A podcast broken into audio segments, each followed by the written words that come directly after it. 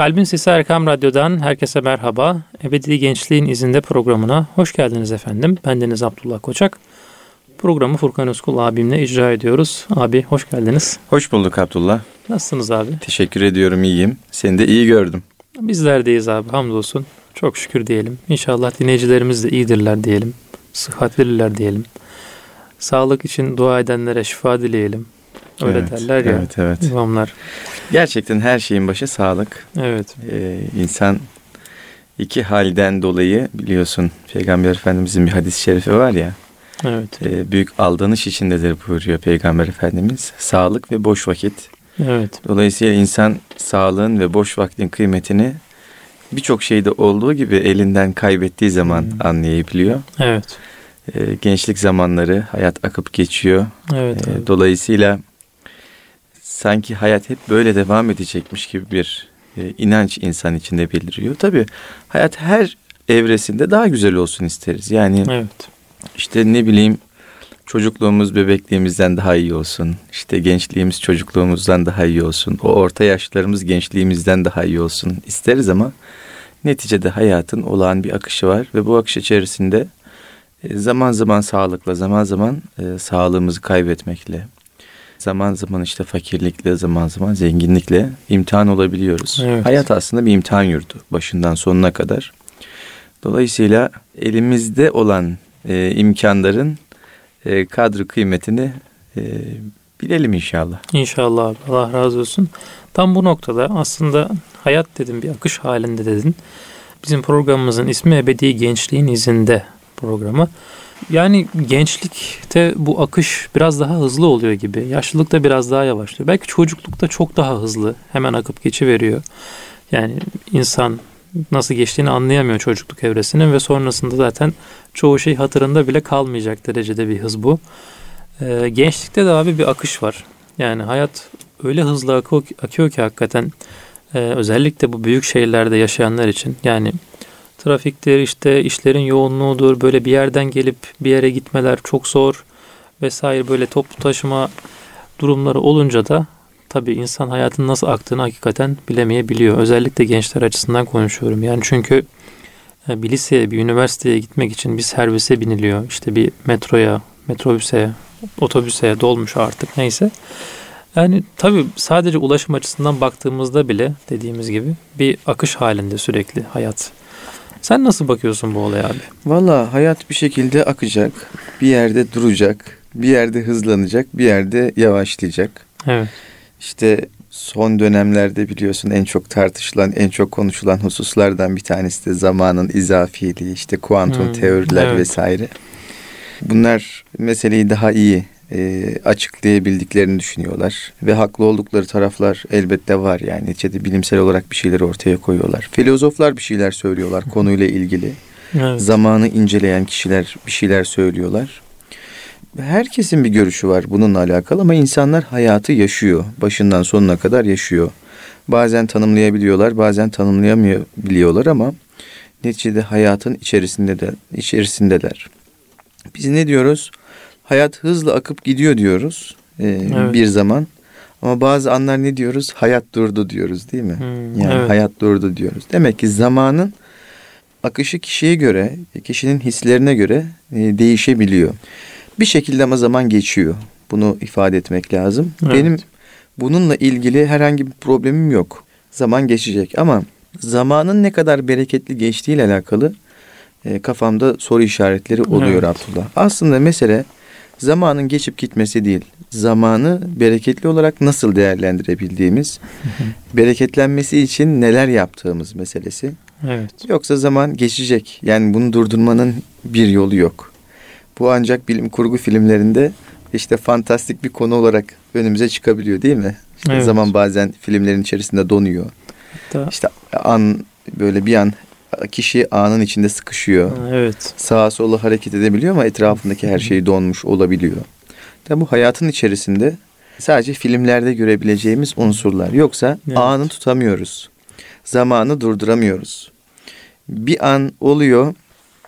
Yani bu kadar yıl nasıl geçmiş diye e, şöyle dönüp baktığımızda hayrete düşüyoruz. Evet. Bunu durdurmanın bir çaresi yok. ve dünya hayatı, meşgalelerimiz var, uğraşlarımız var. E, yapmamız gereken işler var, sorumluluklarımız var. E, tercih ettiğimiz hobilerimiz var. Yani yapmak zorunda olmadığımız ama kişisel uğraş olarak yaptığımız işler var. E, bununla beraber mesleki bir uğraş değil ama bize inancımızın yüklemiş olduğu bir misyon var. İnsanlara e, iyiliği anlatmak, e, efendime söyleyeyim iyiliği yaygınlaştırmak, kötülüğün önüne set çekmek gibi bazı e, sorumluluklar yüklemiş dinimiz. Bununla alakalı faaliyetler var. Dolayısıyla hayatı ne kadar dolu dolu yaşadığımız, neler yaptığımız, e, efendime söyleyeyim ne kadar insana değdiğimiz, ne kadar iç zenginliğimizi beslediğimiz asıl mesele bana soracak olursan bununla alakalı, bununla bağlantılı. E, neticede o akış içerisinde kendimizi kaptırdığımızda aslında zaman hızlı geçtiğini görüyoruz, hissediyoruz. Evet. E, ancak o geçen zamanın neticesinde ne elde ettik? Bu soru eğer cevabı bu sorunun cevabı kıymetliyse demek ki akıp içen o zaman dilimi de kıymetlenmiş demektir, bereketlenmiş demektir. Aksi halde insan hiçbir işle uğraşmadığında da vakit geçiyor. Öyle de böyle geçiyor. Evet. Neticesinde hiçbir semeresi yoksa o geçen zamanın işte boş, boşa geçmiş olan zaman olarak değerlendiriyoruz ve e, büyük bir hüzün kaynağı olabiliyor. Biliyorsun yani zaman öldürmek diye bir tabir var ya. Abi ne yapıyorsun burada? Evet. Zaman öldürüyorum kardeşim. Yani zaman öldürülecek bir şey midir diye düşündüğümde aslında zaman e, öldürmek belki e, o yapılabilecek en kişinin kendine yapabileceği büyük zulümlerden bir tanesidir diye evet. düşünüyorum. Kesinlikle abi. Yani bu özellikle dediğin zaman öldürme tabiri hakikaten biraz böyle boş vakit gibi sanki görülüyor. Bu vakitin boşluğu da aslında kişinin vaktine bir şey katamaması ve işte bir süre sonra bunu kişinin o vakitin bereketinden de mahrum kalması. Yani boş vakit tabiri aslında çok evet. hoş bir tabir değil dediğinde Kesinlikle. haklısın. Evet. Belki buradan şu kastediliyor. Yani şu an hiçbir uğraşım yok. Kimseye karşı bir sorumluluğum yok. Dolayısıyla benim değerlendirebileceğim bir vakit olarak insanların tanımladığı bir şey evet. e, gibi düşünülebilir. Ama yine de tabir itibariyle boş vakit e, hoş bir tabir değil. Evet. Yani o vakti e, muhakkak bir şeyle doldurmak lazım. İnsan bedeni de aslında buna programlanmış bir şey. İnsan boşlukta kaldığı zaman aslında büyük bir neyin içerisinde oluyor diyelim? Bir fanusun içine girmiş gibi hissediyor kendisini. Evet. Nefes alamıyor. Yani bilincimiz nefes alamıyor, kalbimiz nefes alamıyor. Ruhumuz nefes alamıyor, vicdanımız nefes alamıyor. Evet. Sıkılıyoruz. Abi sıkılıyorum. Niçin sıkılıyorsun? Ya bir işle meşgul olmadığın için sıkılıyorsun. Evet. Normalde bir insan bir işle meşgul olduğunda, bir şey ürettiğinde ya da üretilen bir şeyi kendine mal etmeye gayret ettiğinde, uğraştığında, çaba gösterdiğinde evet. sıkılmaya vakti kalmıyor. Bu aslında vaktin doldurulması yani zaten. Tabii. Boş vakit manasız oluyor böylece yani.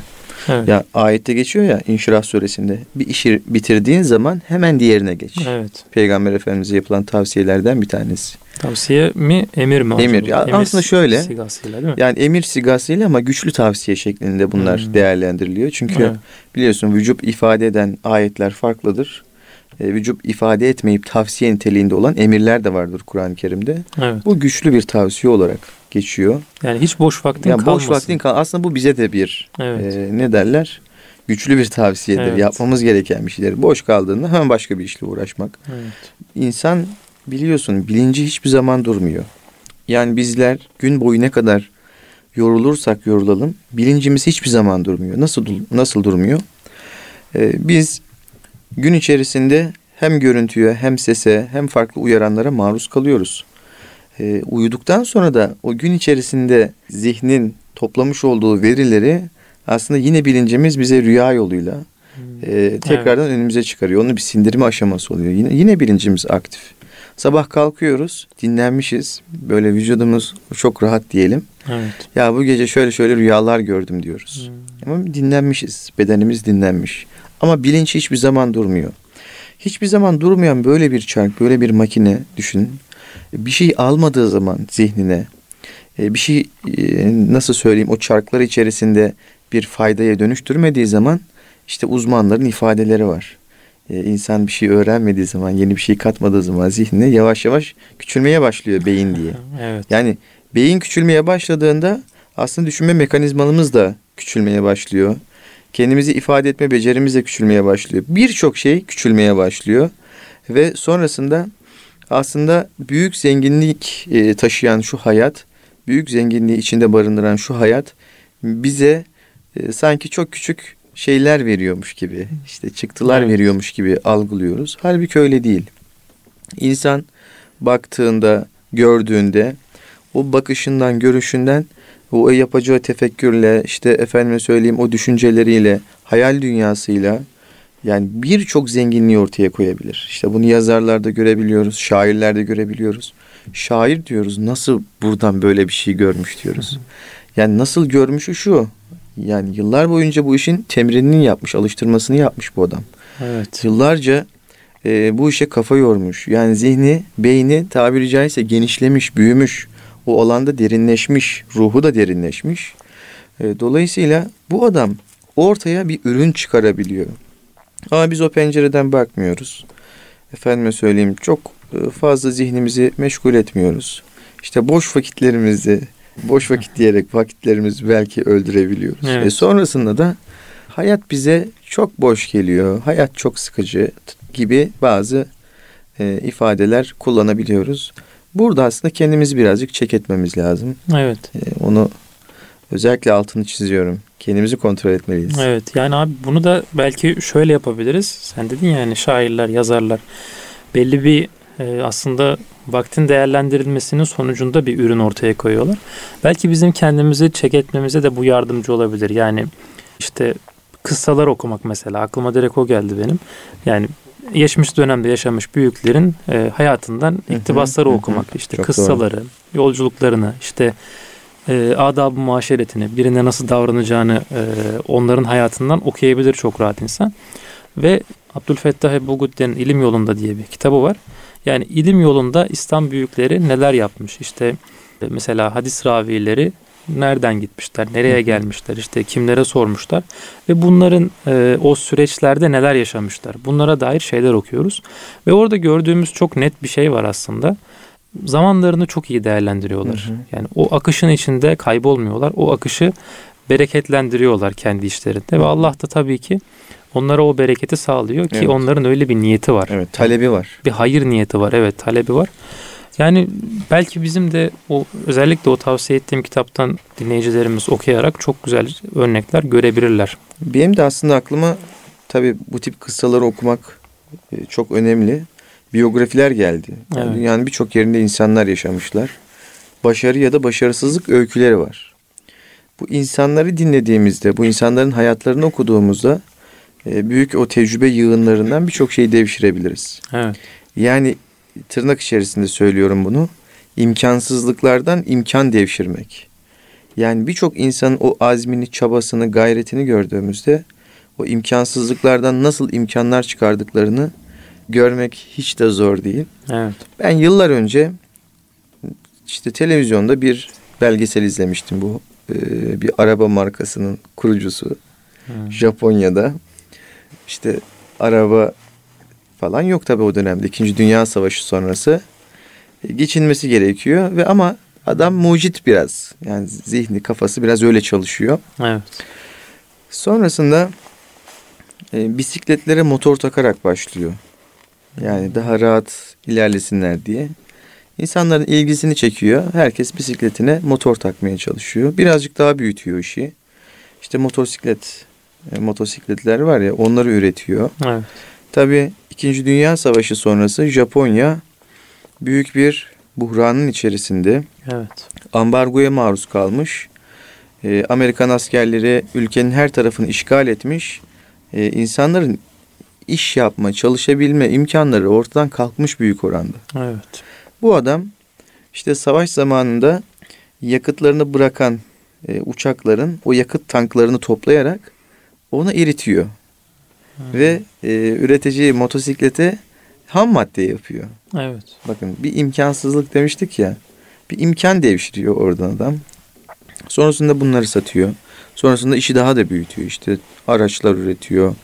İşte yani o araçların farklı segmentteki araçlarını üretiyor derken şu an dünyanın en büyük e, otomobil markalarından bir tanesini oluşturuyor. Buradan şuraya geleceğim. Yani bizim elimizde şu an çok büyük imkanlar var. Özellikle gençler olarak söylüyorum bunu. Çok fazla imkanımız var. Teknolojiye entegre durumdayız. Evet. Yani teknolojinin içerisindeyiz. Bir süreçten hali hazırda geçiyoruz. Tamamlanmış bir süreç değil. Dolayısıyla sürekli imkanlar çıkıyor. Kendimizi ifade etme becerilerimiz e, artık eskisi gibi değil. Yani önceden ne vardı? İşte gazetelerde köşeler vardı. Halkın sesini oradan duyurmaya çalışıyorlardı değil mi? Evet, evet. İşte televizyonlar geldi. E, televizyonlar birazcık daha halka indiler. İnsanlara işte mikrofon uzatıp insanlar televizyondan kendilerini ifade ediyorlardı. Evet. Ama yaklaşık 15 senedir insanların sosyal medya diye bir şeyle e, içli dışlı olduklarını görüyoruz. Yani YouTube'uydu, Facebook'uydu, Evet. sonrasında gelişen işte Twitter, Instagram gibi sosyal mecralar e, kendilerini sürekli ifade edebilecekleri ana akım medyanın dışında kendi mecralarını oluşturabilecekleri alanlar sundular. Evet. Ya bugün bir kanal açmanın maliyeti çok yüksek. İşte ulusal bir kanal açmanın maliyeti çok yüksek. Televizyon kanalı. Televizyon kanalı Evet. açmanın maliyeti çok yüksektir ama YouTube'da bir kanal açmanın hiçbir maliyeti yok. Evet. Ve sen oraya içerik ürettiğinde sen oradan para kazanmış oluyorsun bir yönüyle. Evet. Örnek veriyorum. Bir süre sonra tabii Bir süre sonra tabii. belli. Ee, ama Evet.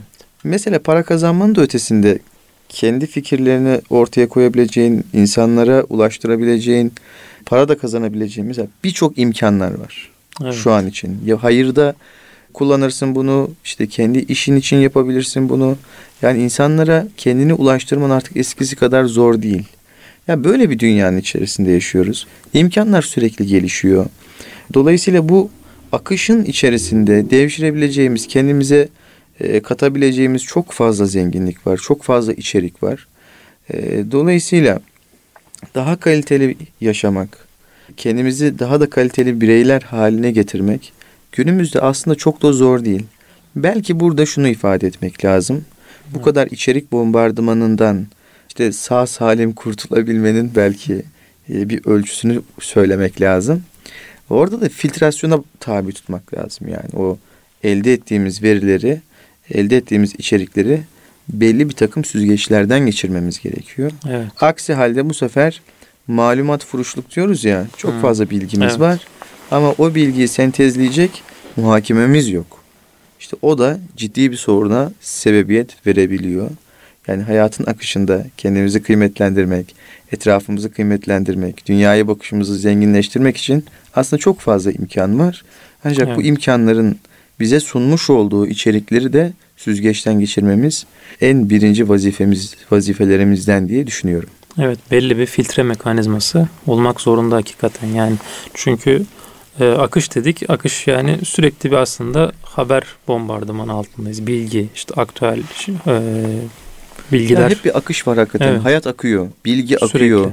Efendime söyleyeyim e, işte e, etrafımızda işte duygu selleri, duygu selli ifadesi Evet. ya duygular akıyor. Her şey akıyor şu an. Yani Evet. son sürat sanki bir akış var. Her tarafta bir akış var ve bundan kendini nasıl koruyacaksın? Aslında koruyamıyorsun yani. evet Sürekli. Yani nasıl söyleyeyim Abdullah? Televizyonu kapatsan radyo var, radyoyu kapa- kapatsan telefon var, telefonu kapatsan bilgisayar var, bilgisayar kapatsan tablet var. evet Yani sen bakmıyor olabilirsin ama yanında illa birisi bakıyor. kesinlikle Yanında illa birisi dinliyor. Yani tamamen kendimi kapatayım diyorsun. Biri kulaklığı takmış bir şeyler dinliyor. İlla bir muhatap oluyorsun. evet Dolayısıyla sürekli böyle bir yani hayatın içerisinde bu akışın içerisinde yoğruluyoruz. evet E, dolayısıyla yoruluyoruz. işte yorulmamak için biraz kendimize alan açmak, kendimizi birazcık daha böyle dinle, dinlemek ve dinlenmek için aslında daha nasıl söyleyelim kaliteli içeriklere yoğunlaşmamız gerekiyor. evet Çünkü o süzgeçten geçirmediğimizde o bombardımanın altında eziliyoruz. Evet. O ağır bilgi yükünün altında o e, enformasyon akışının içinde eziliyoruz. evet Ama süzgeçten geçirdiğinde neyle muhatap olduğunu biliyorsun. Öyle değil mi? kesinlikle Yani burada tabii pratik örnekler vermek gerekiyor. Evet, Diyelim evet. YouTube sayfasında YouTube'a girdiğinde böyle abur cubur gibi bir oradan izleyeyim bir buradan izleyeyim yapmamak gerekiyor. Evet. Ya da ne bileyim işte e, Facebook'a girdiğinde bir o sayfaya dahil olayım, bir bu sayfaya dahil olayım dememek gerekiyor. Evet. Seçmek gerekiyor. Yine Instagram'da yani öyle bir yapmışlar ki adamlar sistemi öyle bir kurmuşlar ki e, seni oraya bağımlı kılıyor yani bağlı değil bağımlı kılıyor. Evet. Çıkamıyorsun işin içinden. Sürekli Kesinlikle. o ne demiş? O komik video işte e, şöyle kısa kısa videolarda çok böyle merakını celbedecek Evet. bazı şeyler. Hemen YouTube sayfasına seni yönlendiriyor. Hemen YouTube sayfasına giriyorsun. Uzunca bir videoyu izliyorsun. Yarım saat. Halbuki adam hiçbir şey anlatmamış. Spotluk tek bir cümlesi var. Seni 20 dakika boyunca o spotluk cümleyi söylemek için ne yapıyor? Ee, or- oraya dikiyor. Evet. Pişman oluyorsun. Ya 20 dakika boyunca bunun Evet. için mi e, dinlemişiz biz bu programı diyorsun. E, dolayısıyla o süzgeç olmazsa işte o akış bizi boğar. Bu aynı dediğin şey abi televizyonda da oluyor şimdi. Biz hep tabii gençliğe yönelik yaptığımız için belki bu programı sosyal medya üzerinden gidiyoruz ama televizyonda da mesela işte bu akşam şu konuşulacak diye intro giriyor işte e, reklamlarda çıkıyor. Belli bir haber kanalının akşam yayınlayacağı o tartışma programı bu akşam şu konuşulacak diyor işte şu da konuşulacak. Beş tane konu var işte. Kimisi bir saat konuşuluyor, kimisi yarım saat, kimisinde üç dakika zaman ayırıyorlar. çok Senin doğru. böyle merak ettiğin şey e, ona denk gelmen için böyle bir buçuk saat izlemen gerekiyor Evet. programı. Dediğin gibi o filtre hakikaten önemli abi böyle konularda da. Abi tabii akış dedik zaman da akıyor bir yandan. Bir ara verelim inşallah. İkinci bölümde devam edelim. Buluşma noktamız Erkam Radyo. Ebediğin Geçtiğin izinde programından tekrar merhaba. Kalbin Sesi Erkam Radyo'dasınız efendim. Akıştan bahsediyoruz. Aslında hayatın akışından, hayat bizi nereden götür nereden getiriyor, nereye götürüyor? Biraz ondan bahsediyoruz ve hayatımızı nasıl bereketlendirebiliriz? Aslında bu sorunun cevabını arıyoruz bu bölümümüzde. Abi şöyle bir ayet-i kerime var ya hani veya ayet-i kerimenin bir bölümü olacak sanırım. Ee, Fe eyne tesebun diye. Evet. Yani bu kadim gelenekte de işte e, Yunan mitolojisinde de herhalde Kuavad ismiydi. Bu akış, bu gidiş nereye gibi Evet. e, bir ifade var. Yani aslında insanlar bu akışın nereye gittiğini sorguluyorlar. Yani akışın nereden Bu geldiğini gidiş değil de, nereye diye, diye Evet. değil mi? bu gidiş nereye diye bir sorgulama hep olmuş.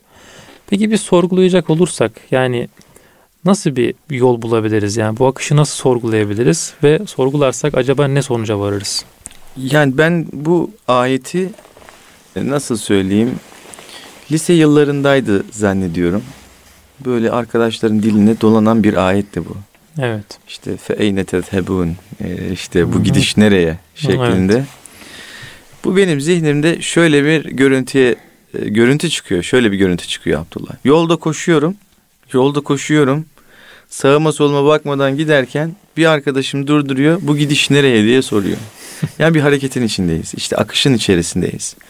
Akışın içerisinde bu gidiş nereye diye bir soruyla muhatap olmak için bu soruyu düşünebilmek için önce bir durmamız gerekiyor. Hmm. Yani bir, bir hayat akıyor, bir yerlere gidiyor, bir şeyler yapıyorum.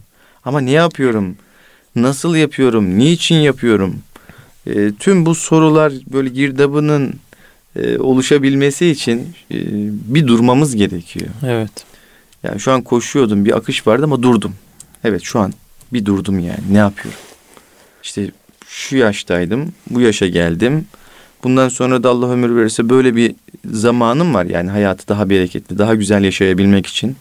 Evet. Bedenin de neticede imkanları var. Belli bir yaştan sonra o imkanları kullanamıyorsun. Dizin ağrımaya başlıyor. Kalbinde problem çıkıyor, kolesterol çıkıyor, şeker çıkıyor derken bedenin imkanları da düşüyor.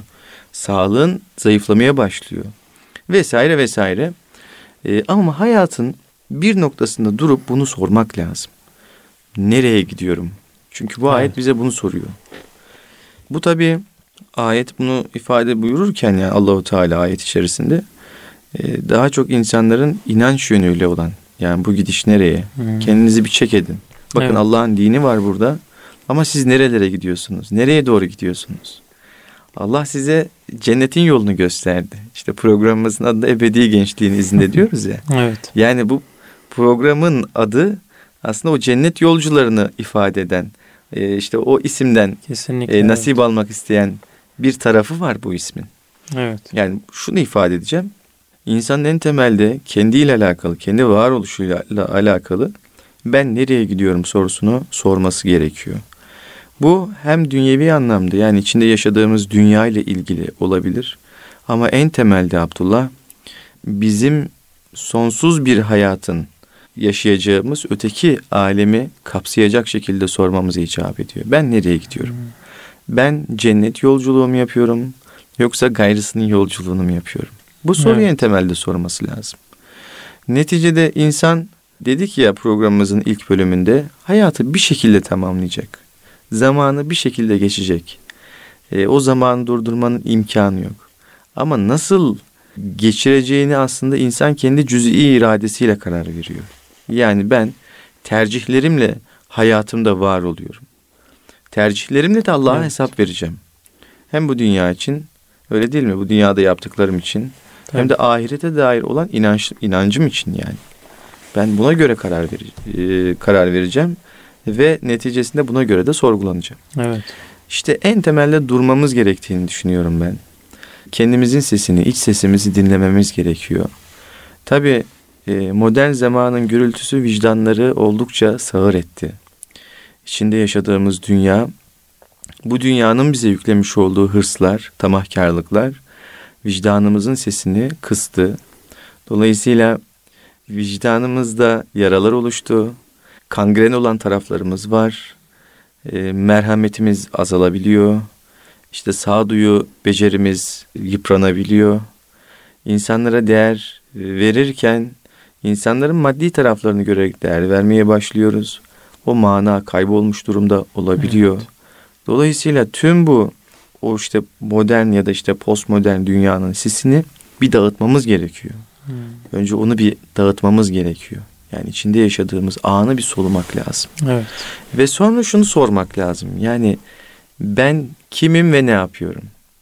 Ben kimim ve ne yapıyorum, nereye gidiyorum diye sormak lazım. Ve insanın vicdanı, insanın fıtratı, fabrika ayarları diyorlar ya şimdi evet. cihazlar için fabrika ayarlarına geri dönelim. E, döndürelim. İşte bilgisayarı kullanıyoruz, yıpranıyor. İşte çökmek üzereyken diyoruz ki bir format atalım. Evet. Fabrika ayarlarını bir geri döndürelim. Ona döndürdüğümüz zaman sanki ilk almışız gibi bir ekranla karşılaşıyoruz. evet. Ee, efendime söyleyeyim. İşte tekrardan yenileniyor gibi geliyor. İşte insan da fabrika ayarlarına şöyle bir dönmesi lazım. Bunun için o fabrika ayarları, o vicdan dediğimiz şeyi ses vermemiz lazım. Önümüze birçok seçenek çıkacak Abdullah. Hayatımız boyunca da çıkacak. Her o seçenekte, her karşılaştığımız seçenekte vicdanımızın sesinden referans almamız lazım. Vicdanımızdan evet. referans almamız lazım. Evet akıl daha karlı olanı tercih edebilir. Öyle değil mi? Evet.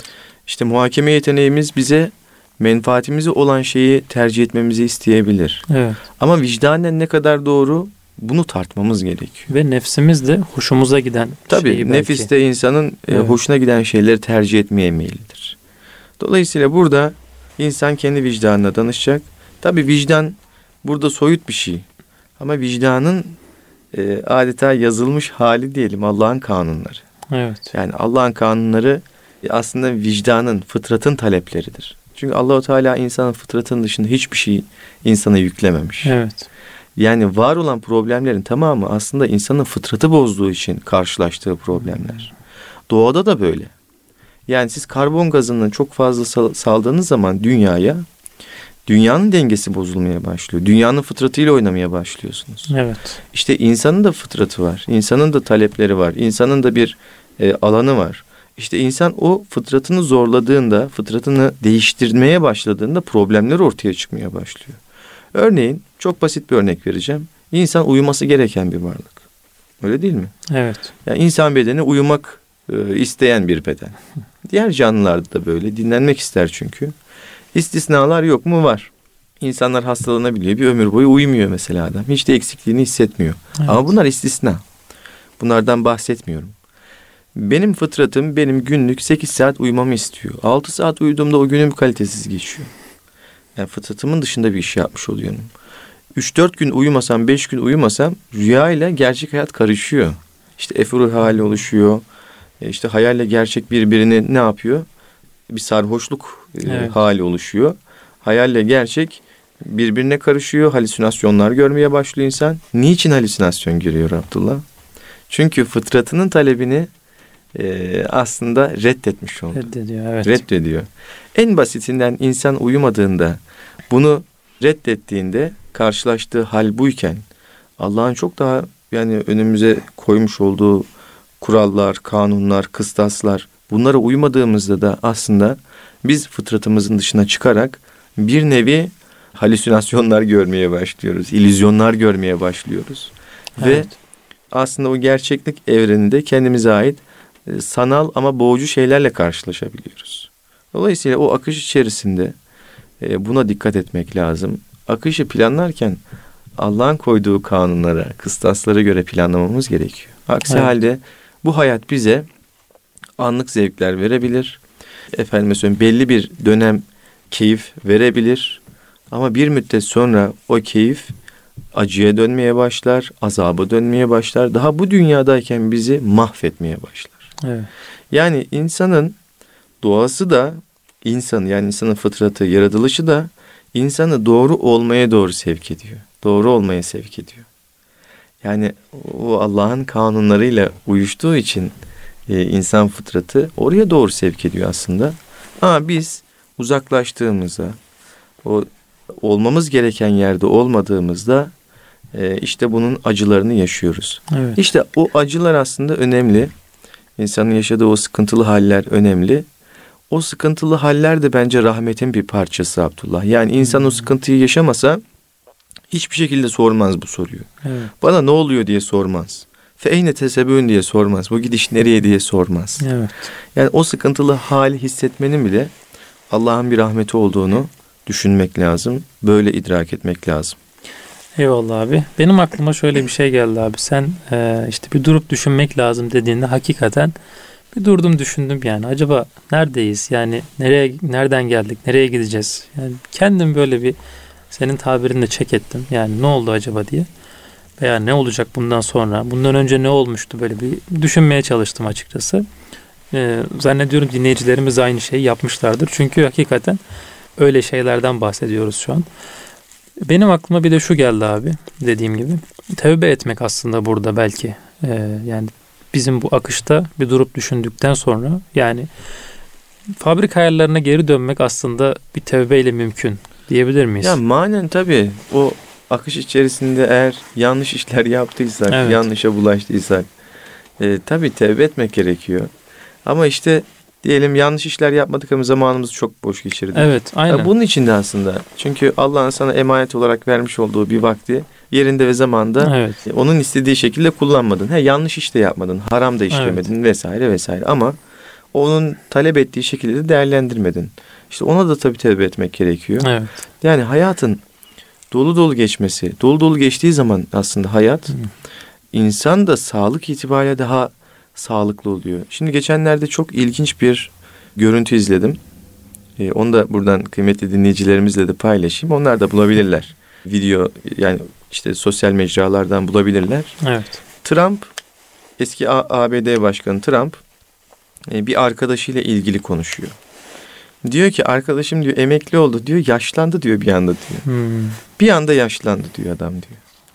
Çünkü önceden onun onu arayan kişiler, onun peşinde koşan kişiler o emekli olduktan sonra kim aramadılar diyor. Hmm. Ama ben onu uyarmıştım diyor. Yani sen emekli olduğun zaman, bu işi bıraktığın zaman seni kimse aramaz. Bak bir ben ararım demiştim diyor. Ve sadece şu an ben arıyorum onu diyor. Şimdi düşün. Evet. E, yalnız kalmış adam emekli olduktan sonra uğraşacağı bir şey kalmamış. E, düşünsene büyük bir kurumun başındaymış ekonomiyle ilgili. Bu bankacılıkla ilgili zannediyorum. Sabahı da planlı adamın akşamı da planlı sürekli bir uğraş ve koşturmacanın içerisinde. Bu koşturmacı ortadan kalktığında aslında beklersin ki daha sağlıklı olsun. Daha zinde olsun. Hayır adam çok kısa bir zaman içerisinde çökmüş. Evet. Yani gençler şunu diyebilirler ya ben işi bir bıraksam bir rahat etsem e, biraz şöyle gezsem falan. E, öyle olmuyor. Yani genç de çöküyor. Evet. Ama bedenen çökmese de bir anda yaşlanmasa da ruh hem manen çöküyor. Evet. Ki aslında şunu da görüyorum. yaşça artık genç ya da orta yaşlı dediğimiz insanlarda bile öyle haller var ki yani bir anda saçları beyazlayan arkadaşlar var. Sakalları beyazlayan arkadaşlar var. Ya daha birkaç ay önce görmüştüm diyorsun. Hiçbir şey yoktu diyorsun. Bir anda adam saçı sakalı beyazlayabiliyor. Evet. Çünkü o stres hali, o yoğunluk e, insanda e, bir şekilde tezahür ediyor. Evet. E, dolayısıyla insanın hayatını değerlendirebilmesi için yine başladığımız noktaya gelmiş oluyoruz bir yönüyle aslında. Bir işi bitirdiğinde hemen başka bir şey hmm. yoğunlaşması evet. gerekiyor.